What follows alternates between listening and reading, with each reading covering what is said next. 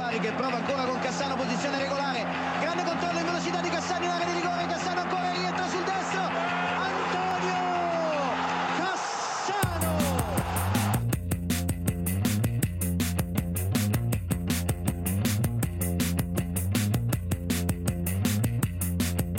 Já, það er punktur basta vikunar. Þetta er næst síðasti þáttu tímbilsins. Við ætlum að gera upp tímbilið eftir Champions League sem að á sér stað þarna á laugardaginn og þá tökum við Conference League og, og Champions League og, og, og tökum bara serju að eins og hún leggur sig. Ég, Árni, er hérna út á Ítalíu og, og Björn er í Danmörku. Björn, blessaður. Já, blessaður, blessaður, gaman heyrir. Já, sem leiðis. Hvernig er staðan á þér eftir svona, já svona aðeins, eftir Europa League final?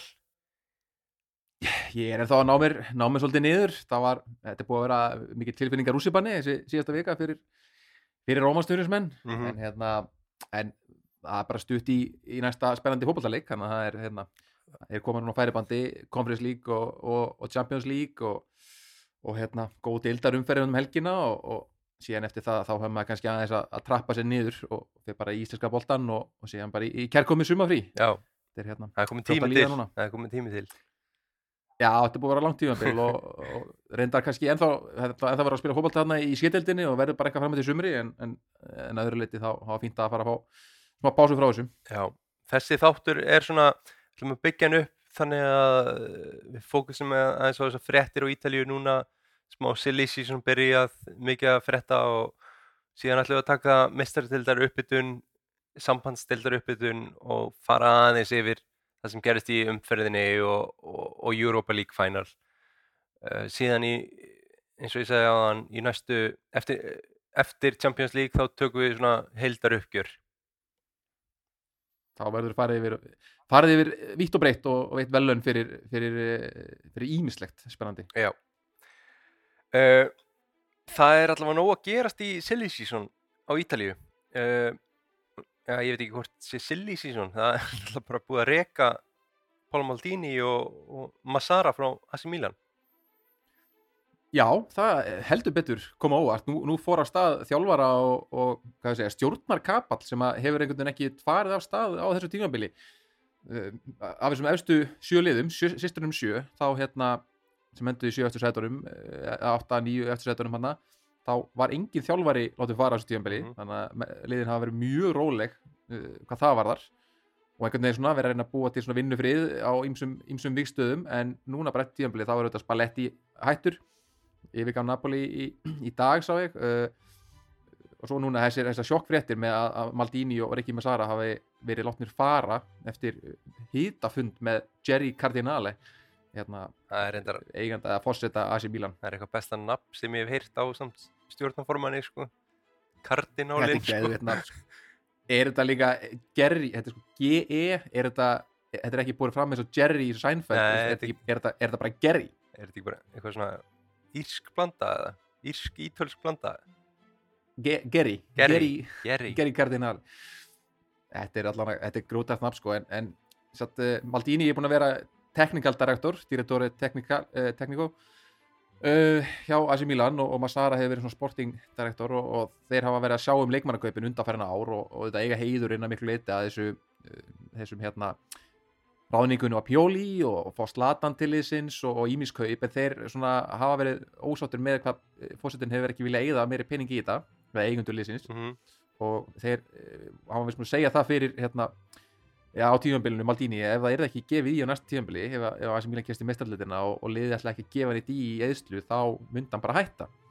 Og núna fór hann okkur fund eða þeir, Massara, félagarnir fóru á fund með, með kardinálunum í, í gær og það sem kom bara, í- þeir letu óanæði sína í ljós en, en að sem krókur á móti bræði þá var þeim bara sagt upp í kjölfarið og, og hérna og ég gíska þá á að, að kardinali hafi kannski reynd að benda þeim á að kaupin sem að þeir sáu um á síðast tíðanbili þessi stóru peningar sem þeir fengu að eyða þeir, það, það var það voru léleg kaup uh, stóru kaupin í fyrra, stóru byssutnar uh, voru ekki nógu góðir. Charles Ketilari uh, smá spoiler alert, gæti fengi gullnu úrslutununa hjá okkur í, í næstu viku.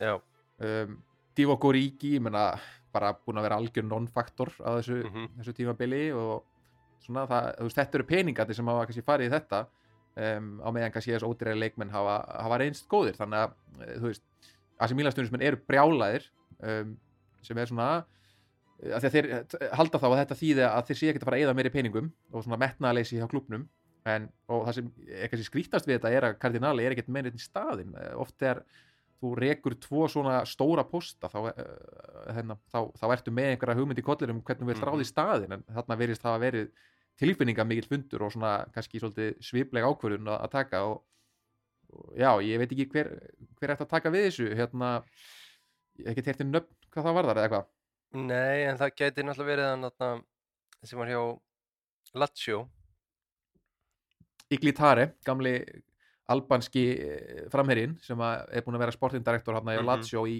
einhver tíu ár og, og við góðan orðstýr, hann hann var að hætta núna líka eða ekki, Jú, hann var að hætta.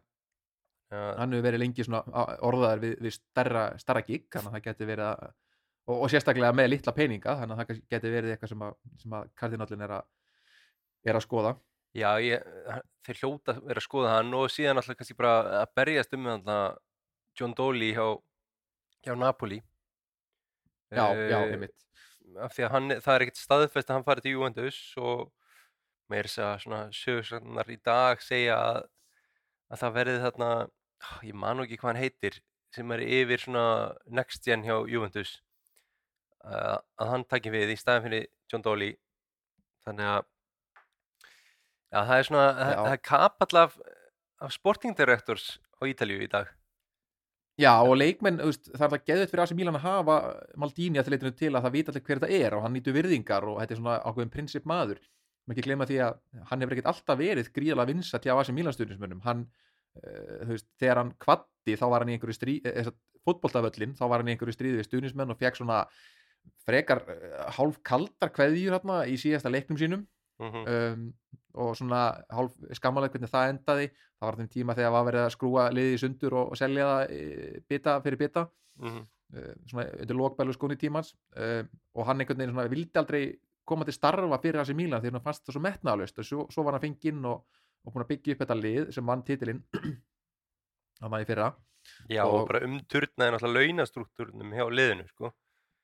Já og en, en hann er prinsip maður eins og eh, svona þetta sagan segir þetta er prinsip maður og hann bara hefur ekki viljað að láta bjóða sér þetta og, sé, og, er, og er farinn og, og leikmenn sem að þeir hafa verið í viðræðum við þeir eru, eru furðu losni líka og hafa svona það er verið að tala um að, að, að þeir hafa ekki hérna, áhuga á að endilega semja ef, að- ef að Maldini verður ekki þarna. Hann er ákveðin, ákveðin eh, sé ég, gæðastjóri maður sem að, svona, sýnir metnað og, nafn sem að fólk hlustar á. Þegar Maldini talar þá, þá hlusta maður það er bara ekkert flóknar að það Nei, sko líka bara Rafael Leo var að skrifa undir samning núna fyrir viku síðan, bara staðfestingu. Uh, hann hlýtur að vera brjálaður sko.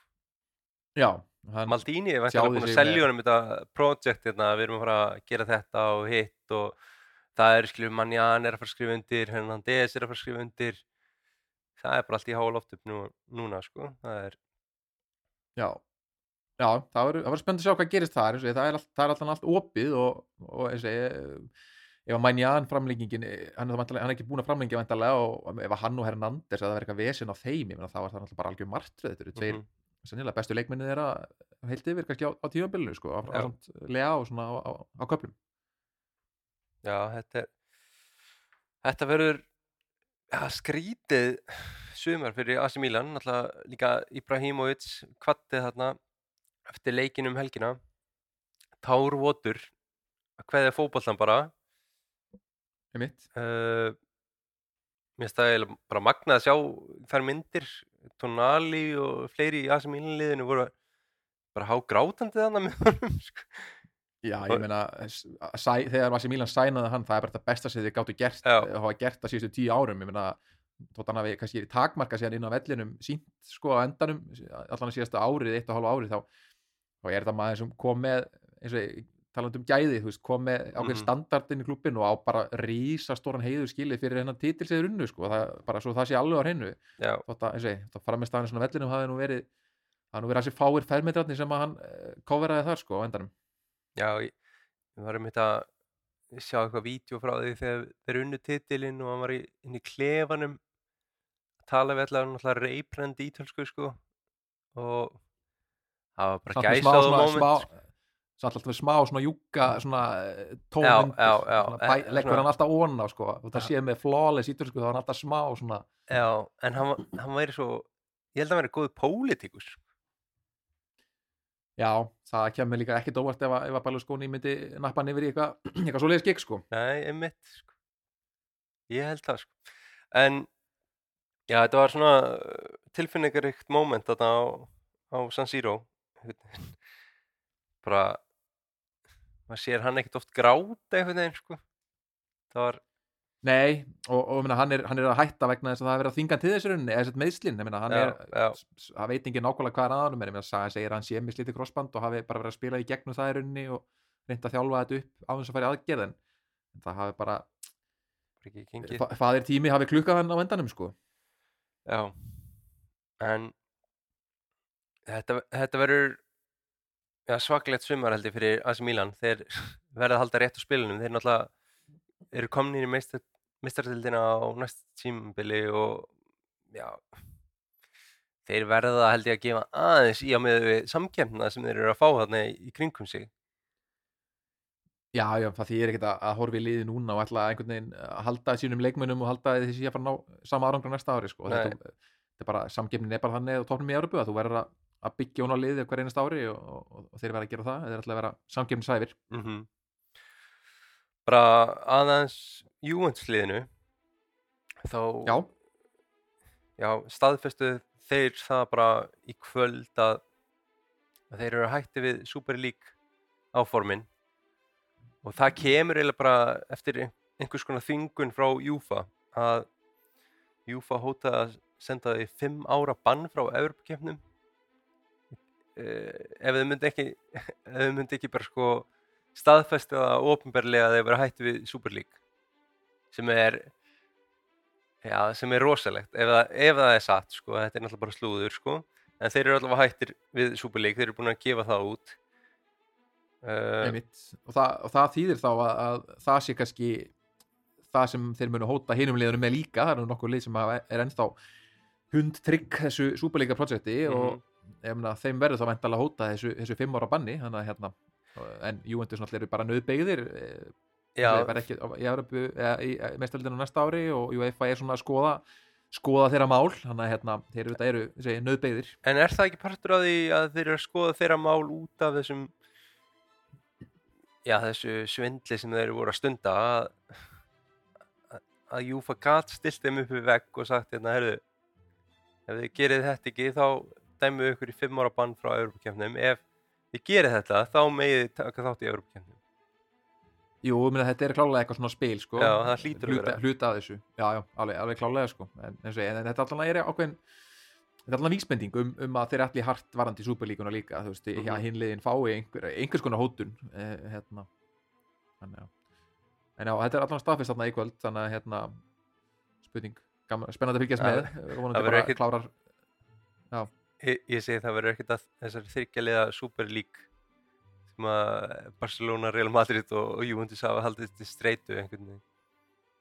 Nei, nei, nei svo, svo hefðum við alveg mátt fara bara að stað með það og þeir, það hefði engin Já, já, það hefði bara verið eins og það hefði verið Já, já. Uh, að þínum mönnum, Jose Já. Mourinho, er eitthvað að frétta þaðan eða? Það er allt útlýtt fyrir að hann verið áfram. Hérna, komum að sér yfir, inn á það eftir hérna, síðastu deltaleikin þeirra. Þeir Mhm. náðu svo Európa-deltarsætti aftur og, og töp, hafa líka frá því tölum síðast, tapað úslæleiknum í Európa-deltinni en ég held að Mourinho væri bara leiðin út en, en nú verðist vera sem að hann verði bara áfram. Og hérna hann gekk hérna um völlin eftir leik og var svona benda stuðnismönum á að ég, ég verð hér, gerði einhvern Já, handabendingu og, bókstaflega bendaði einu Já, bara benti á sig og, og, og nýra völlin og bara ég, ég er hérna, ég verð áfram og saði við leikmennina svona, helt einhverja en ekki við söndiræði þarna eftir, eftir leik sem að var verið að skrifa upp úr einhverjar svona, hvað hann hafi sagt og það, það vist bara gaf sterklega til kynna að hann myndi vera þarna áfram. Mm, uh, hún myndi berjast fyrir þá og, og berjast gegn líka bara stjórnendum klúpsins um að, um að fá meiri styrkingar af því að á endanum var þetta náttúrulega bara breytin í hópnum sem að drapa þá. Þeir voru alveg gjössanlega bensinlausir þarna í, í lokin og gátt ekki keft í öllum keppnum en, en hérna, að það er áhugavert og ég menna hann er dýrkaður og dáður ennþá í Róm og, og stunismenn gríðalega sáttir með að hann verði áfram og nú er bara vonandi að, að, að koma einhverja styrkingar Tiago Pinto yfir maður íutamála, hann hefur verið orðaðir í burtu við Premier League lið og fleira þannig að það gæti verið einhver breyting þar en, en hérna, að það halda mór inn og held ég að hafa- sé frekar ofalega á, á listanum hjá, hjá, hjá eigendum Róma sko. Já, ég sá líka að þeir voru að tala um það að þið þyrfti að selja einhver leikmenn að Vinjaldum og, og Kamara þannig að miðumæðurinn væri svona á sölulista og Já, þeir eru bara lán, þeir eru bara láni sem sagt, þeir, Já. þeir verða ekki keiftir já, já, sem sagt að losa um launakröfurna þeirra Já, að þeir mun ekki halda áfram og, og það þeir hefðu helst þurft að selja einhverja leikmenn já þeir eru sennilega að fara að selja í Banjes svo ég mest, það, er sem, já. það sem er orðaðar mest við og þá sést annarkot allir á Madrid eða, eða í Premier League, þú veist, í Banjes er hann kostaði mikið í ár hann er frábær varnamaður en hann, Mhm. hann á missi sig á augu stundu og búin að gera mörg ekki mistök, hann minnir svolítið á svona þú veist, ef hann enda nú í Premier League og hlustundur vilja vita hvernig leikmaður þetta er þá er, minnir hann mér svolítið á Romero hjá hérna tóttunum, svona, þú veist, missir hausinn svolítið inn á milli en, en er grjótarður og góðu varnamaður og var inni og dýrkaðan til að byrja með en, en hann bara, já, hann, hann misti hausinn og hérna, einbyttinguna aðeins of oft. En síðan er náttúrulega líka bara þessi Dybala dýll er allavega sagan er þannig að hann sé með einhvers konar release clause upp á einhverja 20 miljónir til ítalskra liða það ekki og, og 12 miljónir til erlendra liða skilst mér þessar 20 miljónir geta fallegu gildi ef þeir tryggjara launahækkun bara nánast tvöföldun á launum hans. Já, uh, já, síðan og ekki alveg gerast að þeir fara að selja hann nema að náttúrulega einhver klúpur borgi uppsett verð. Já, og það hefði náttúrulega verið já, fyrir þessa síðust umferð Tammy Abraham var einhver leitið söluvara fyrir Rómaliði sérst, sérstaklega til þarna, England að geta selt hann og, og kasta aðeins inn á honum manni sem hefur kannski ekkit verið upp á sitt besta á þessu tímbili já Tammy var peninga sparibökurinn sem að Róma átti Já. og það ætluðu að selja í sumar og hann átti lílegt tímabil og síðan bara kemur hann inn á síðasta leik og stýtur crossband er kortir eftir að leiktiðinni og, og spilar ekkert aftur fyrir árið 2004 þannig að það er þar farið út um að en ég held að Dybala verði áfram hann, ég held að hann taki eitt tímabili viðbót svona finnist eins og hann þurfa að gera það og, og veist, var svolítið mittur á þessu tímabili og eins og svo sem ofta Mhm. áður en, en svona ég held að hann, hann, hann finnir svona ákveð loyalty uh, og, og svona trú alveg á projekti með Mourinho eitt ári viðbót allavega þannig ég, ég held að hann trú á því en, hérna, en það verða breytingar í sumar og, og svona bara ekkit jú, bara eh, þeir þurfa líka bara að bæta leiksinn, spila betri fótbolta þetta var orðið svolítið, svolítið bensilöst og, og, og hugmyndasnöytt þarna undir lókin Já. Já, þetta var þetta var, dæmt sérstaklega eftir að fóru í Vító gegn Sevilla, það sem markmaði Sevilla er náttúrulega bara einhver albesti vítabani bara sem fyrirfinnst já, já, ég hefði enga trú að þetta komið í vító sko, og Nei. allar umna, bestu skiptunar okkar fannar út af og, Já. já, það var bara þannig uh, Fleiri fyrir eftir frá Ítalíu Sara Björk, byggameistari eftir 1-0 sigur á Róma bara svona sárapót í lokin á erfiðu tímbili hjá Juventus sem að náttúrulega fyrra voru já, bara nálægt úrslitaðleik meistaradeildarinnar unnu ítölsku deildina. Þannig að þetta var svona þetta var kærkomin endir á erfiðu tímbili já, klálega, bara mjög stert hjá þeim og hérna unnu hann upp á tíma að mark bara á 93 eða eitthvað frá Barberu upp á Nansi stjórnuleikmanni Ítalka landsleisins sem að er að, er að fara að keppa núna á HM í sumar. Yes. en hérna, þetta var mjög, bara mjög stert hjá þeim og fín endir á tímabilinu. Rómaliði var svolítið, það var orða svolítið sattar eftir eftir deildasigurinn og svona búið að svolítið mikið fagnaðalæti og, og svona, þannig að það var svolítið kannski fyrir að mótivera sig í þennan Já, þetta var lokaleik. keft í Salerno á öllum stöðum á er svona einhver sérstökt staðsending fyrir úrslitaðleik Copa Italia kvenna það sem að Salerno er náttúrulega ekkit ekki svona eh, þekkt, þekktur staði fyrir kvenna knaspinu þeir eru náttúrulega já, það eru ekki með liði deild og það var svona ekki, ekki nógu mæting fannst mér. Já, tókst ekki alveg að byggja upp stemningu fyrir þessu þarna í, í svona kvennaboltin er meira í, í norðurinu og Ítalíu, stendur Já. sterkar þar. En þá máli máluna Champions League yes. Final heldur betur Inter City Hvað Já Hvað er að byrja? Erum við að svona aðeins að rýna kannski hvernig Interliðið stillir upp eða? Já, það hérna það er nú einhverjar tilgáttur um það hann sagði reyndar, það var nú búin að vera blaðamannafundir fyrir úrslaleikin í eh, einhver svona media days núna í dag og í gær um, og Inzaghi hefur sagt að hann sé ekki búin að ákveða byrjanliðið, það sé svolítið verið að skoða bara frá mínútu frá mínútu og hann vilji halda spilinu þétt að sér en, en það er svona, nýju stöður eða tíu stöður eru nokkuð örugar held ég. Mm uh, og Nana verður í markinu pottet og, og varnalínan verður uh, sem hefur verið síðustu leikjum það er Darmian í hægri miðverði uh, Acerbi í miðunni og Bastoni í vinstra megin. Svo verður Denzel Dumfries í hægri vangbakarinnum Di Marco verður í, í þeim vinstri uh, á topp verður Lautaro Martínez og, og Dzeko líklegast um, en á miðjunni það er eitthvað síðan spurningamerkið Henrik Mkhitaryan, hann auðvitað mittist þarna í, í leiknum gegn AC Milan, undarúsla leiknum og hefur ekkit spila síðan en hann segist vera svona mun að vera klári í úrslaleikin hann, hann mun bara pína sig í gegnum hann eins og hann getur, maður mað veit það svo Mhm. sem álega en líklegast mun hann ekki byrja og hann mun þá spila með uh, Barella, Brozovic sem djúpan og svo hann Celanoglu, Barella og Celanoglu hann aðeins fyrir framann sem áttur. -hmm. að, hérna, já ég held að þetta sé nokkuð örugt að þetta verði þannig, ég held að þú er ekki að byrja með byrja endilega með, með uh, Mkhitaryan Nei, ekki hann tæpur sko, það er alltaf betra að setja hann inn og, og geta átt hann þá inni sem bara svona vopn. Já, svo er þú veist, já, svo er hann, svo er náttúrulega Lukaku, uh, hérna, Dzeko spurningin, en ég, ég held að Dzeko byrji, um, vil ég frekar eiga Lukaku inni, smá feskan. Um, Mhm.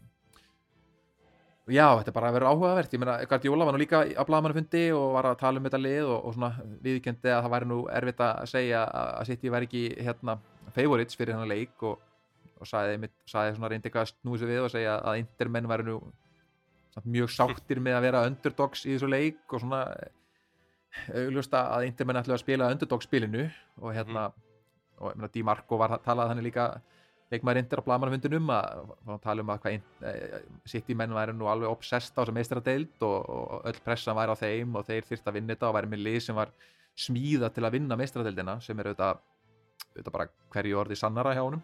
Já, City menn hafa reynd að vinna hana undan fara náður, búin að vinna deildina fjögur, fjögur ára síðustu fimm uh, eru búin að fara langt í meistarleitinni en, en hefur ekki tekist þetta og, og, og þjóttir hafa, eins og ég talaði þetta svolítið niður eins og þetta sé bara svona hluta einhverju prósess þá, þá það nú ekki meir en að það var nú einhver, hérna, einhver myndband um daginn inn á, inn á klefa Master City sem þeir byrtu og þar stóð nú bara einhverju töflu bara við ætlum að vinna meistrarleildina bara það er eitthvað svona, það var obje- objective nummer 1 og 3, þetta var eitthvað svona mjög skýrt orðað já, þannig að, þannig að það þýðir ekkert lengur að vera eitthvað að tala eins og þetta sé bara eitthvað svona eitthvað svona prósess sem að væri gaman að vinna nei, nei, Vinna sér. þetta er bara í haustum á þeim sko. Þeir eru Þetta er verðað bara að vinna þeim, þetta. Algjörlega. Eh, ég, já við, við vitum, ég sem ekki alveg búin að kanna nokkulega hvernig byrjanlega sitt í verður en ég, meni, ég held að verði nú bara eitthvað mjög svipað og, og í þessum meistaradölda leikjum síðustu. Mhm. hérna, þú veist, Silva og Grílis á köntorum og Holland og De Bruyne frammi og svo Rodri og, og Gundogan á miðinni og, og síðan þessi fjórir uh, sterku varnamenn hérna aftast með John Stone sem að stígur upp á miðuna Já. Já, ég held svona ég veit ekki, mér veist einhvern veginn með hverjum deginum sem líður þá finnst mér yndir einhvern veginn orðin er svona, fyrst þetta kom í að sitt í yndir í úslitaleik meistarstöldarinnar þá fannst mér svona allir vera bara það er bara 95% líkur og sitt í vinni.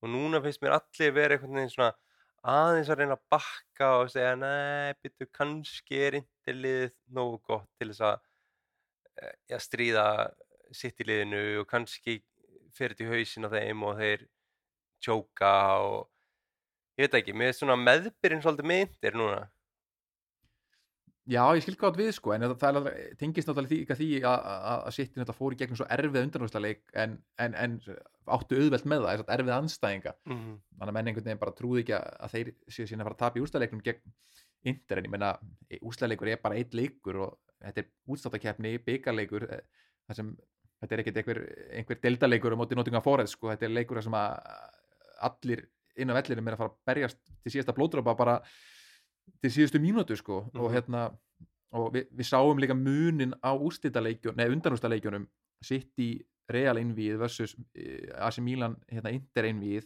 þú veist, ítalska einvíð var mjög cynical, svolítið shithouser í ein, bara eins og að mínum að þið úrstættaleikir eiga að vera mhm, en ég er spenntur að sjá líka hvernig það mattsjast svona þessi sitt í að móti, móti Inter hvað það var það sko. Og ég er svo sem var ekki búin að kanna hvaða dómarinn er en það getur líka haft bara áhrif á, á leikin sko, þú veist, hvort að dómarinn sé flautuglaður eða hvort að hann vilji bara já, leifa svona 50-50 bolta og, og hörku og sé ekkert að eða hvort hann sé að, frá, og að leifa bara leiknum að fljóta sko. Já, það verður líka já, ég held, náttúrulega að Inter muni vilja bara tefja allt og hægja og öllu, sko. Það hlýtur að vera. Er bara, Já, á köplum allavega þeir, já, og- að drepa svona mjög- spili hjá City og momentumi hjá þeim. Þannig að Já. þeir munu örgulega pressa svolítið á dómarinn að að flauta svolítið. Uh, Já, það er líka svona eru við með einhvern veginn hvað rekord Guardiola er með gegn ítölskum liðum? Ég svona í fljótbræði þá man ég nú ekkert eftir eitthvað mörgum leikjum þar sem hann hefur verið að já, mæta ítölskum liðum og hann hefur talað um það sjálfur eh, að mæta ítölsku liði núna í úslitum er kannski ekki algjör draumu fyrir hann af því að þeir bara þeir eru skipulaðir þeir eru með reynslu og bara númer 1, 2 og 3 er svona leikfræðin á bakvið leikinn, eitt leik bara setja upp eitt leik til þess að fullkomna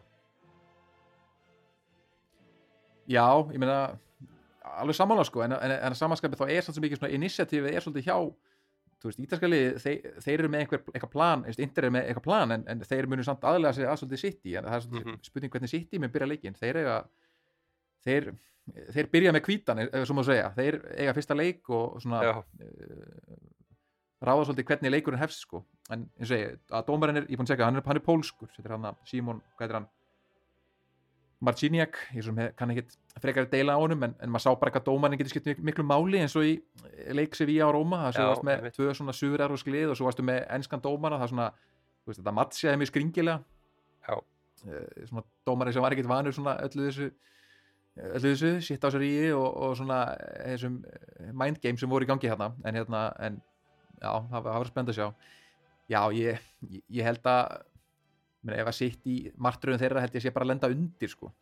þeir, þeir eru þeir, þeim líður vel þeir eru komnir yfir anstæðingunum þarf að stíga framar af öllin að geta nýtt raðan í, í Hóland og annað þannig að hérna uh, já, ég held að þeir munu jafnvel reyna að stíga svolítið upp, byrja leikin að krafti við sáum það í ústaleiknum gegn Manchester United núna í, í, hérna, í FA Cup um helgina þar sem Mhm. þeir skoruðu eftir eina mínútu og hérna, veist síðan lágu manni menn svolítið á þeim en, en svona heilt yfir þá kannski leiðum ágætlega að verjast með, með þessa fjóra óknastarku varnamenn hann í öftustu línu. Já, það, leit svona þannig út allavega. Og ég veit ekki, jú maður náttúrulega veit ekki nákvæmlega hvernig þetta lið kemur inn í en leik en ég myndi halda þeir gera bara svipað gegn, eh, gegn United. Að reyna bara að pressa strax á þá sko. Já, ég held það líka. Og ég held líka, við sáum náttúrulega gegn United þegar að City voru að spila þessu lungu boltum upp, bara route one á, á Holland fótboltin einhvern veginn komið í ring og Guardiola fann að spila bara route one, Holland að skalla Mhm. niður á næsta mann. Og ég held að það geta þeir munu klálega að reyna það því að við sáum til dæmis hvað Inter lokaði vel á Rafaeli á rauninni kantmenna hjá AC Milan í undanáttuleiknum mm lögðu mikið upp úr því. Þá reynir á sitt að vera með einhverja aðra uppspilsleið sem er þá til dæmis Holland um, og, og hérna Holland svo sem hefur ekki skorað mikið í meistarleitinni síðustu leikjum, þar að segja gegn Real Madrid eða í Bayern innvíinu, hann skoraði ekkert gegn Real og ef mann ekki gegn Bayern hvort hann hafi sett eitt víti eða klúraði víti eða hvernig það var. Um, en á, móti kemur kannski að myndu Inter maður segja, ég menna þeir þeir eru sjálfur með Lukaku í liðinu þeir eru að díla við svona, svona basically gríðara sterkan leikmann á æfingu hverjum einasta degi þannig að þeir, þeir eru kannski líka alveg vanið í svolítið að, að vera svona díla við þessa svona stóru sterku strækjara. Já ég þetta verður þetta verður rosalega einvi og ég held svona allavega líkillin fyrir Interliðið ef að náttúrulega bara City liðið er náttúrulega með Holland og þeir eru með De Bruyne, þeir eru með Gundogan sem getur alltaf stíðu í svona stórum leikjum uh, þá finnst mér svona já, leinivop Inter vera Martínez þannig frammi hann er búinn að vera sjóðandi heitur í síðustu leikjum. Kom með einhver sex mörg í sí, neða, fimm mörg í síðustu sex leikjum fyrir Interliði þannig að ég, ég held að hann gæti verið svona það er kannski fókusin er á Barella, Brozovic einhver leiti Dzeko, Lukaku ef hann kemur inn á þá held ég að Martínez gæti alveg verið svona leikmæður sem að já, Inzaghi sér sem svona leinivopnið sitt. Já, ég held að líka og, og hann er búin að vera sjóðandi heitur. Síðast þegar Inter Mhm. vann meistarlöldina þá var það nú argentískur framherji sem að sem að setti tvö hérna í, í var ekki í grillið á, á á bæjarmönnum. Diego Milito með hérna tvö frábær mörg eh, eftir svona bara snöggar góða sóknir. Þannig að ég er spenntur að sjá hvernig hann mun hvernig honum mun vegna hérna gegn Mhm. sitt, ég meina hann kemur fullt, fullu sjálfströst ég hef áður haft svona efasendur um Martínez en mér finnst hann að stíga upp í stóru leikjunum undarfarið já, sem er svona framþróun á, á hans leik. Um, og svo kannski eitt bara í lokinu ef við, ef við svona skoðum munin á City núna og, og eh, að City sé að mæta Inter núna og, og Real Madrid síðast að eh, hjá Real Madrid þá var miðjan þeirra alveg gjössamlega búin uh, Modric var ekki að elta sinn mann þarna, fá mark upp úr því og annað, en Inter þá er þau með þrjá mjög vinnusama miðjumenn, þannig að þeir veist, þe- þeir, er ekkit þeir munu ekkit finna sömu opnanir held ég og gegn Real Madrid þar. Veist, Barella er gríðalega vinnusamur. Ég menna Brozovic leipur náttúrulega mest af öllum bara í deildinni held ég. Er með bara, ég veit ekki hvaðna klukka marga kilometra í leik þegar hann spilar. Og hérna, og Tjalanoglu líka og svo verðið með mikið tari sem getur komið inn í róturinguna ef, að- ef einhver er þreyttur eða búinn á því. Þannig að veist, þetta er mjög yðna þessu miðja og, og svona tilbúin að fórna sér og loka svæðum þannig að hérna, Mhm. eins og ég fann að tala núna er alltaf bara hljómaði eins og Inter sé bara frá rúliðir hann leik sko, en hérna kannski vandar einhvern, einhvern, eh, einhvern Premier League perra hérna til að að, að, að negla okkur nýra á jörðina eh, hérna, já, við erum bara við höldum bara myndir í þessum leik það er bara þannig. Já, já, það er bara eins og að Stuðningsmenn gaman að sjá. Og, já, já, bara þeir geta unnið, unnið tvennuna hérna, eins og, eins og, eins og sitt ég er konum með tvennu og getur inte líka fengið unnið tvennu ef þeir, taka þennan leik. Mm já, kl- klálega og bara svona já með þetta Martínez, skilur, hann skora tvö mörk í, síðast úrslitaleik þannig í Coppa Italia, Fiorentina þar Já. sem hann stegu upp, skilur þetta er bara þetta verður leikurinn hans, það er bara þannig það er staðfest, já, er, þetta er skrifað í skín, þetta er bara Milito 2010 já, ég held það um, já, ertu með einhverja spá eða? herðu, ég ætla að spá 2-1 Inter. 2-1 Inter. Ég man ekki hvað ég spáði síðast, ég þetta nú að segja hvað en ég, ég spáði 2-1 Inter núna. Já, ég ætla að spá erfitt að spá þessu sko. Ég ætla að spá 1-0 Inter svona mjög seint í leiknum mark. Ok, það er bara 8.900 til 90.000 skyndi sókn, fast leikadri Já, ég held svona ef að City kemst ekki yfir svolítið snemma þá held ég að þeir lendi í smá svona býtu nú við, eru að fara að tjóka hérna skilur já, já, og, og, og þeir munu tjóka. Já. Já, það var bara sleið Það er Martínez. Það er. Martínez. Sem klárar þetta. Um, Já, þetta verður rosalegu leikur í Tyrklandi á lögadaginn og við ætlum að já, við ætlum að reyna að koma bara stutt eftir leik og, og gera upp tímbilið og leikinn og, og það sem já, bara hefur dundið á okkur á þessu tímbili Já, mm. á nóg er að taka er nóg er að taka. Ef við förum aðeins í sambandsdeltina, svona örstuðt bara, hvað, hva, hvað sér þau gerast hjá bara fjónutínliðinu, ekki vestam? sko, ég er mjög spenntur fyrir þessum leik svona fótbolltalega séð bara ég, mm -hmm. Fjónutín er þetta það lið held ég bara í samanstildinni sem að skora mest Já, og þeir hafa farið einhvern veginn á ofta útivöll og skorað alveg svo bara tróðið mörgum í grillið á mönnum sko hérna í útstóttakettinni þannig að þeir eru óhrættir og ég hef rætt áður hérna þjálfara þeirra Vincenzo Italiano. Heitir Italiano og er mjög óítalskur þegar kemur á svona uppleiki, er mjög sóknarsinnaður. En hérna og, ég, og við höfum rætt mikið í þessum þætti hvað við erum hrifnir á honum og ég er bara mjög spenntur að sjá hversu áttir þóra að fara líka. Þeir, þeir eru líka það lið held í Európu sem að Európu til kepp, þess að sambandsdeildinni sem að spila með hæstu varnalínuna þeir eru það lið Já. af Ítalíu sem spila með hæstu varnalínuna gríðalega háttu upp á vellunum og, og eru líka að gera þetta sem að Guardiola gerir með John Stones að hafsending af þeim er að stígu upp á miðjuna og spila boltanum til hliðar og, og dreifunum og þannig að ég er svo spenntur að sjá og þeir segja þetta ekkert að gefa neitt af þessu í, í ústæðleiknum þeir ætla bara að mæta með, með hérna, rock og roll spila bara krít í klefanum fyrir leik og bara alveg geði ekki þannig að hérna já, ég, ég held að geta voru mjög skemmtilega leikur sko og svo mæta er Vestam sem er einmitt með mjög, mjög solid lið, fullorðið lið eh, gott svona base mjög physically frekar góðir þannig að hérna, eða svona sterkir þannig að hérna, já, ég er bara mjög spenntur fyrir að sjá hvernig þessi leikur þróast og svona sjá svolítið svona raunverulega svona eh, hérna já, gæ, gæða munin á liðunum hvort það, það sé einhver eða, eða hvar, hvar þetta mun ráðast Já, þetta, er svona, þetta er ótrúlega spennandi matchup finnst mér. Uh, Vestamliðið er náttúrulega búið að vera í vesinu á þessu tímbili í deildinni en, en svona hafa bara verið frábærir í konferens og það er svona, þetta eru, mér finnst þetta ógeðslega svona svipu lið að þú myndir horfa á þau bara og meta út frá deildum í hvaða deildir eru, skoða leikminna, skoða einhver leiti uppstillinguna hjá þeim líka. Já, svona kunna vel að, að spila þarna 4-2-3-1 einmitt. Uh, og svona þessi einhvern veginn íkoni versus Bowen uh, González versus Benrama Cabral, Antonio þetta er bara speglandi lið finnst mér sko. Já, bæði lið með sko heimsklassa leikmenn inn á milli, ég með Dekla Ræs er þarna, í- í- hérna Björn Tína er með hana González og Amrabat sem var náttúrulega sprakk út þarna í, H- á HM Já, sem alþjóð, alþjóð þekkir og hérna Já.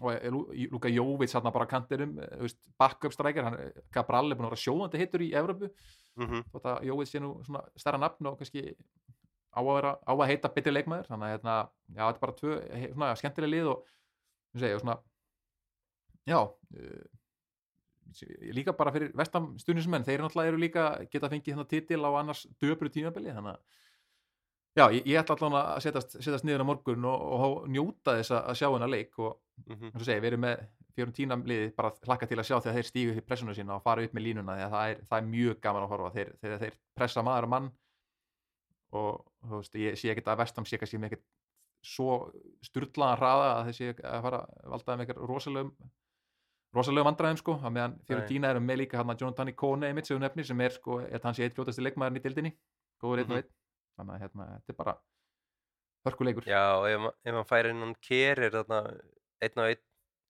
þá er hann að fara að valda yfir hann held ég sko.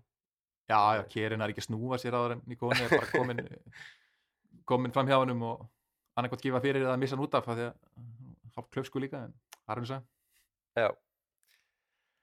Um, Já, ég held við þurfum kannski ekki að einhvern veginn að rýna mikið meira í þetta. Um, skilst það að leikurinn sé í Praga eða ekki?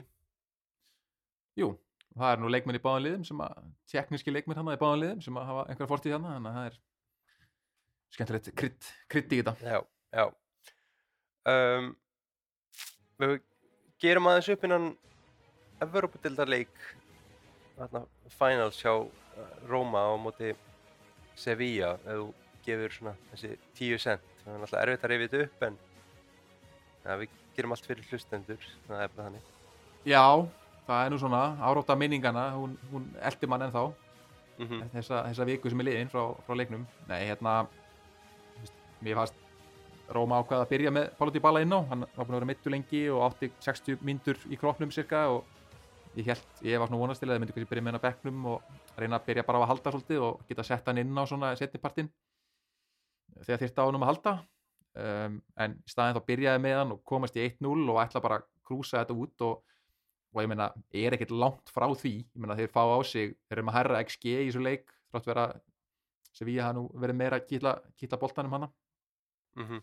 um, og markið sem, sem við skorar er þarna frekar er sjálfsmark veist, upp úr hálf, hálfæri eða svona en ekkit eitthvað þetta var ekkit eitthvað alveg dettari þannig séð, þetta er fyrir klaufalegt og óöfni fyrir ekki fannar sem að mann síni e, fari í sig og, og inn í markið þannig að þú veist, og þá var þetta svolítið bara búið fannst mér sko, eftir það voru þið bara að reyna að halda út og reyna að potta inn í fyrstum leikadriðum og, og voru aftur nálagt svo sem að gera það. En ég segi, það var bara já, eftir að því balla fór út af þá var þetta bara eh, um að gera að reyna að halda og, og á, á meðan sko Sevilla byrja með Lamela og Suso á bekknum, hvað þú sett þá inn á í já. setniháleik það er bara það er eitthvað sem að, þú veist, Róma hefði haft einn eh, tala nú ekki um tvo leikmenn sem að smá gæðu á bekknum til að setja inn á þá kannski hefði þetta verið aðeins meiri möguleiki en, en þetta var alltaf að vera að brekka og í Vító þá eins og þá var Pellegrini og Dybala fannir út af og, og, og, einhvern veginn Morinni og treystir á þessa uh, þessa varnamenn að taka vítin sem eru allir svona frekar klikkar í hausnum þannig að ég, skýr þá pælingu en, en þeir eru þetta bara ekkit sérstakir sérstakar vítaskittur sko og hérna þannig að það var, þetta var bara daburt Nei, e, e, sko, Mourinho hefði náttúrulega átt að horfa hann Sevilla leika því að þennan Juventus leik, Sevilla Juventus, ódöðli, e, þar byrjaði Suso og Becknum kom inn á og kláraði leikin. E, svona kannski mismöndu uppleggi á þjálfurinnum, Mourinho ætlaði að greinlega klára þetta á 90 myndum með því að byrja Dybala. Já. Það er bara 100% og á meðan að að Sevilla liði spilaði kannski bara svona in the long run gegn Róma að vera með þess að tvo svona gæða leikmenn á bekknum að geta komið inn á Já, en, en, en samanskapið fannst mér sko eftir að Sevilla jafnar þá þú veist það er ekki eins og Sevilla hafi viljað fá hann í vító ef þeir voru með töklu og haldir á svolítið að leiknum meira með boltan en Mhm. þeir einhvern veginn duttu sjálfur svolítið niður þannig að þú veist, ef Róma hefði náða að halda aðeins lengur þú þeir fengu þetta marka á sig svona fullt snemma þeir hefði náða að halda aðeins lengur og þá, þá held ég að þú veist, þá fannst mér Sevilla heldur ekkert eitthvað svona þú veist, jú, þau var aðeins að banka dittnar en þeir ekkert eitthvað mörg skot þarna á markið allan sem ég man eftir einhver hættu sko eða einhver einmitt. færi þetta var bara fá þess að fyrirgjöf þarna sem að klaufast í markið og svo bara búið sko og svo voru Rómverja, það voru mikið fréttum Rómverja var ósættu með domgæsluna og veist, mér fannst hún heilt yfir ekkit sérstök. Þetta var mjög mikið clash of two worlds eh, dómar, ennsku dómari að dæma eitthvað svona eh, shit á sér í leik hjá, hjá suður efra liðum, þetta var bara frekar hlægilegt á köplum sko uh, á þess að það veist, á þess að hérna, dómarinn hafa kannski skipt endilega sköpum fyrir úrslitin svona stóra ákvarðan voru allt í lægi, ég meina að Róma hefði getað fengið víti oft, þú veist, á Spáni er þetta víti, á Ítalíu er þetta víti en á Englandi er þetta ekki víti, ég meina það er ekkert þetta kvart undan því, en svo voru bara alls konar fyrðulegi dómar sem ég sem ég bara skil ekki, sko, ég, ég verði að nefna Mm. bara finnast að dæmið í þessu leik sem ég bara, ég, ég átta, ég bara, ég var gjössamlega gáttaður, það var þegar hann bara það var þegar hérna e, Rakitis brýtur hafsir á miðunni e, dómarinn dæmir aukaspilnu og gefur þetta að hann ætla ekki að spjalda hann. Róm, Rómar byrja byrjum spjalda á hann þetta var svona e, svolítið gull spjald tækling en hann gefur þetta að hann ætla ekki að spjalda hann einn. Róm verið að mótmæla og hann gefur Brian Cristante gull spjald fyrir að mótmæla.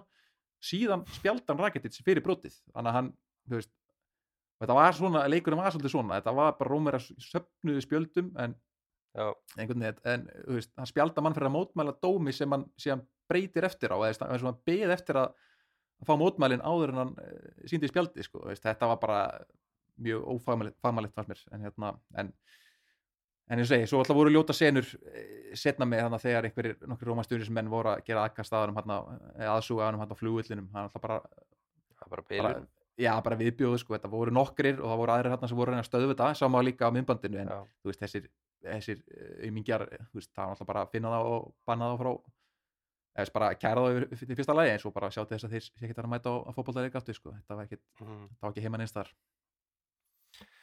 Já og það var, veist, og, og veist, það er búið, að- UEFA er búið að fara yfir hérna leik eftir á, þú veist, Rómar voru með ósáttum með domgæsluna og letu það í, ljós og, og eftirlýsmaðurinn var víst mjög ósattur, hafði mjög margt út á dóma, dómaran að setja en, en, en UEFA hefur samt eh, gefið út að það, það verður ekkit frekar aðhafst, veist, hann hann var ekkit settur í kælingu dómarinn eitthvað þannig, þannig að þetta var ekki, ekki, það, ekki það mikil, mikil mistök í svo leik, þótt að heilt yfir hafi verið hansi margt Nei, nei, en, en það er alveg bóðið að hann er ekki fara að taka Europa League eða, eða það final næst tímbil eftir þetta sko Nei, ég, ég var, var stólega gerðu sko. aðtöðasend við hvernig hann dæmdi þetta.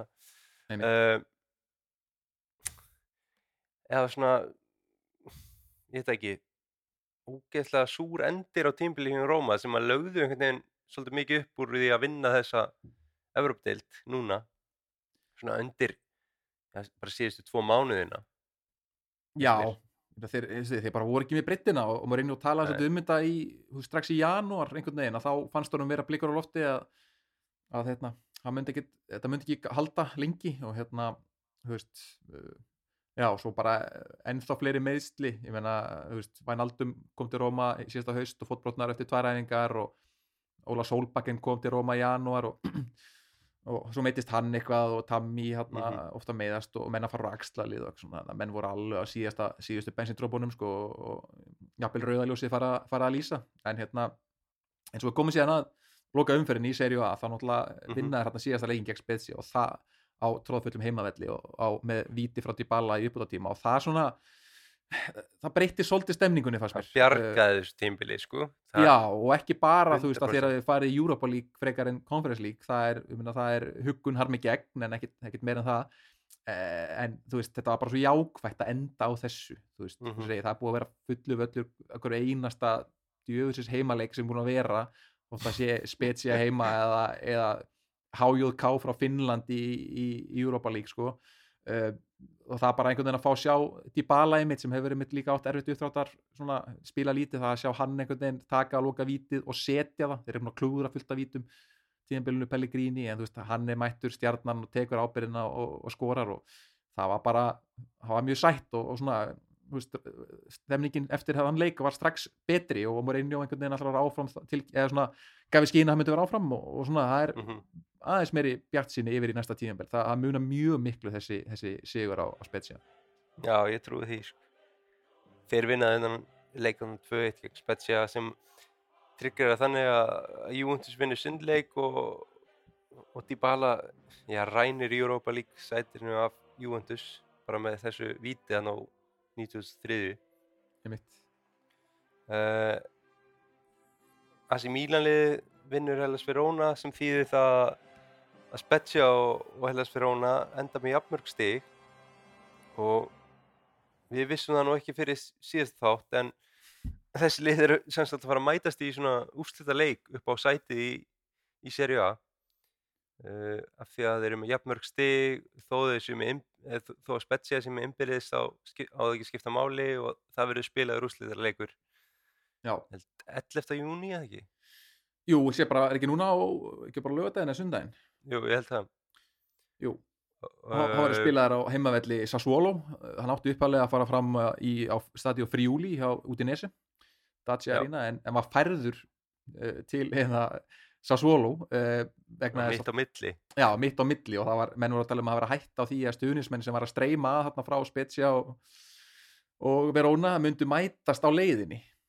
Það er oft svona, Já, já. er oft svona uppgjörum mitt í stuðnismanna þegar þið mæta tvær rútur inn á sama autogrillið, einhverja bensinstöða fá sér panini hérna og espresso og sígó þá er oft eitthvað slagsmál og það var, menn voru að tala um að það var sniðið að hafa þetta bara að mætast á miðri leið og þetta var að spila þarna í, í Sassuolo á heimavelli þeirra og hérna og já bara, veist, ég er mjög spenntur að sjá þetta. Þetta er nýtt format, þessari reglu var breytt núna fyrir tímabilið, mm Eh, þetta var svona í ráðu fyrir, þetta var fyrir árið 2004 eða 5 þá, var þetta líka svona en þetta er núna komið aftur og þetta er svona hluta því að seri A hefur verið aðeins að svona prófa nýjunga. Eh, önnur Já. nýjung fyrir tímabilið var náttúrulega það að þeir breyttu röðinni, umferðaröðinni í setnu umferðinni, þeir voru ekki með að tvær eins umferðir, heldur var setnu umferðin dregin upp á nýtt eða raðað upp á nýtt eh, reyna svona að búa til einhverja meira spennu og poppa þetta Já, aðeins ég- upp og þetta er hluta því líka. Ég er nú sammála því að, að- stokka eins upp röðinni sko. Mér finnst það ekki rosalega gaman þegar þetta eru sömu umferðir einhvern veginn. Uh, Já. Hvað segir þú, það staðan ja, þú Sorry. uh, ég segi, ég er ekkit rosalega hlindu því að þegar það er sama umferð sko í setni umferð. Já, um,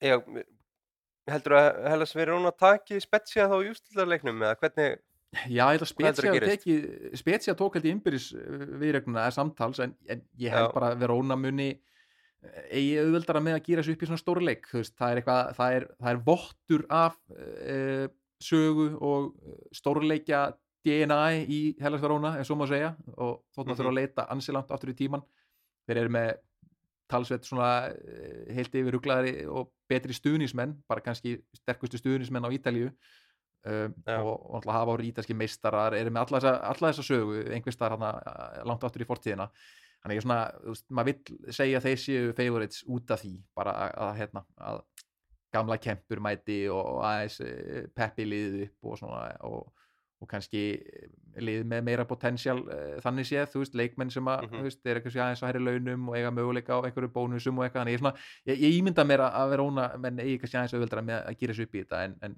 en spetsi er þannig bara áfram í sínu underdog mindseti og hérna uh, það sem er líka furðulegt við hennar leik verður að segjast, sem er að það er ekki framlenging eftir því sem ég ja, kemst það næst. er bara beint í vító það er beint í vít og sem er náttúrulega það, ég er ekki, ég er ekki finnst það sérstætt Já, það er eins og þessi að reyna að drífa þetta bara af sko.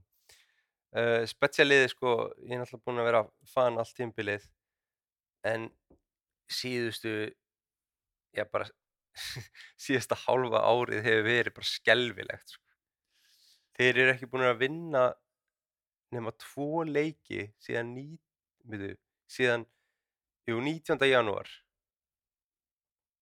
19. janúar sko. já, það var enda þá unnuður índir enda held ég en þeir unnu undir 10. mars já nei byrju þeir, þeir vinna 15. janúar Eh, þeir eru búin að ta tapa öllu nema tveimur síðan 19. skilur já, já, þeir vinna Torino 15. janúar síðan eru þeir búin að vinna tvo leiki síðan það eru bæði Mílanliðin sem er náttúrulega ótrúlegt sko. já. En ég meina það kannski er ákveði stórleikja DNA að- að kunna það en já, þetta, þetta, þetta spesialið því miður er bara bensinlaus sko, eða svona alveg búið á Já, því og þeir já, gerðu já. mistökarn í janúar og letu okkar mann eh, Mikael Eil fara sem að kveikti gjössanlega í. Serie B hana með Venezia og tók einhvern annan í staðinn sem að hef- hefur ekki verið góður fyrst mér þannig að hérna já, þetta er Nei, og, og, líka Fast. bara besti maður þeirra Ensola er alltaf búin að snögg hólna síðustu leikjum. Já, bara hann hefur ekki skorað einhverjum já, átta leikjum eða eitthvað svo leiðis, sjö, átta leikjum. Já. Þannig að það er en alltaf hann er, hann er, umspils, hann er umspilskongur ég hef nú sjálfur verið að vitna því honum sá hann klára umspil í, í C á sínum tíma þegar ég var vellinum þannig að hann, hann eh, ekki, ekki afskrifað eins óla. Hann, hann geti eh, hann, hann geti reynst en drúur já, þe- þetta verður já, ég stilli á hann leik það er klárt mál. Þetta verður bara þetta Eh, síðasta blóðdrópa já. Fleiri leikir á þessu bara í þessari loka umferð var eitthvað sem þú svona tókst eftir sérstaklega? Sem að Þeir náttúrulega, Napoli tók á móti titlinum.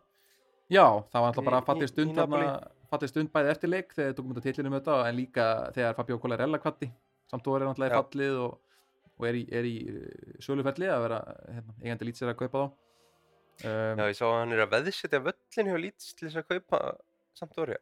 Já, það, það laðist ekki vel í, í lýtsara uh, en, en svo var að tala um að hann sé nú að fara að selja lýts sko, þannig að Já, það var áhugart en, en eh, já, Kolarella kvatti á, hérna, á uh, Maradona vellirum sem var mjög fallið stund því að hann auðvitað, hans saga er mögnuð, hann auðvitað er uppalinn í Napoli fekk tækifærið loksins í Napoli hérna þegar var um, í præminu um 30 eitthvað svo leiðis og mhm. lendir í því að einhver eldirhellir sem að gera hún lífið leitt og terroræsar hann og fjölskyldu hans í, í eða bara svo mánuð með árum skiptir þannig að hann náði sér aldrei á strik og var svolítið hrakin í burtu og óvinnsætti á stuðnismönnum sem að vissi ekkert hvað var í gangi og hérna, Mhm. svo eh, kom í ljós eftir, eftir á hvað hafi gest og, og stuðnismenn Napoli bara hafa, hafa beðið hann afsökunar og, og hérna og tóku afskaplega vel á mótunum hann að síðast umfyririnu og þetta var táravott, táravott uh, stund og hérna og bara á, fyrir áhuga sama þá er líka Viaplay heimildamind um Fabio Colarella og þessa, þessa þrautagöngu hans sem hann þetta Mhm. gangi í gegnum þannig að hérna er mælið með að fólk kíkja hana Já, bara algjör, algjör kongur þessi leikmaður. svo, já, svo, svo, svo er, í síðust umfyrinni var náttúrulega líka uh, Lecce Bologna sem ég að vonast þér að Þóri og hann fengi að spila sem, sem er kannski hans síðasta leikur fyrir Lecce en, en hann kom ekki til sögu. Þjálfarinn ákvað að stilla bara upp verið ekkert að leifa einhverjum nýjum einhverjum eh, öðrum að spila. það var bara gamla bandið og veist, þá fannst mér frekar glatað að stilla upp gamla bandinu og tapa samt, samt leiknum veist, já, já, já. frekar að enda á að tapa leiknum og að bara verður verður um að góðu. Að, hérna, að leiði ekki einhverjum aðeins hérna hérum bekkjamönnum aðeins að spila. Um, það vakti enda miklu aðdeglega að í stúkunni þar sástu hver var mætt eh, í stúkunni á Letsi til að, styðja liðið já það, það var eitthvað harðast sem ég séð Helen Mirren var komin í Let's treyju sko. já, einmitt, það var hérna satt þarna og söng og trallaði með, með í kurvas út í hérna á staði og Víó del Mare í Letsi þannig að það er, það er nú já, leit líka bara út eins og kona sem var að fara að hlaði eitthvað og ketti bara beintu til leik fyrir alla fjölskylduna sko. já, með eitthvað svona bandana á hausnum og, og já, í, í rauðgulu Let's treyjunni. búningnum Já. og kom með bara svona kakubrúna lit á, á húðinu eftir að hafa verið þarna greinlega í nokkra mánuði held ég sko. Já, hún áist eitthvað hús þarna í Púlja og er þarna einhverju Já. kvikmyndahátíð og, og, og allt svo leis þannig að það er, er gaman að sjá, góða dítill einn af bestu stuðnismennum þess tímbils sem hefur mætt á velli Já, heldur betur um, Já, ég held að við þurfum svo sem ekkert eitthvað fle- frekar í þessi leiki sem voru um helgina, það var náttúrulega bara Kúpmænist þrennan uh, hann er náttúrulega orðaði frá Atalanta núna í klukkunum Já, Um, Kúmanni skoraði náttúrulega sennilega Mark Ásits, sástu það, það var hérna frá miðju, frá, Já, frá úr svona, svona nána svona Beckham stöðu, svona út af kantinum á miðjunni, bara eh, sá að markmaður var langt úti og hamraða niður markmanninu inn, sko, þetta var alveg gríðarlega fallegt mark, mm þannig að hann er hann er drúr, bara, hérna, já, ég myndi halda að hann væri mjög eftirsóttur og bara stærri klubum sko. já, hann er svo Þetta- góður í fótbolta en líka svo veist, góður varnarlega, hann er svona, hérna, harður og hefur, pressuleikmaður og já, bara hefur allt veginn. Já, og Hólund skoraði líka eitt markið og ja, þetta, þetta tímbili hjá Atalanta er bara búið að vera mjög gott Já, og Gasperini verður áfram, hann var orðað við, Napoli en hann, hann verður sennilega áfram á annars Já. hann að hérna, þeir halda áfram. Um, að neðri deildum Já, uh, umspilum. Heldur betur. Okkar maður.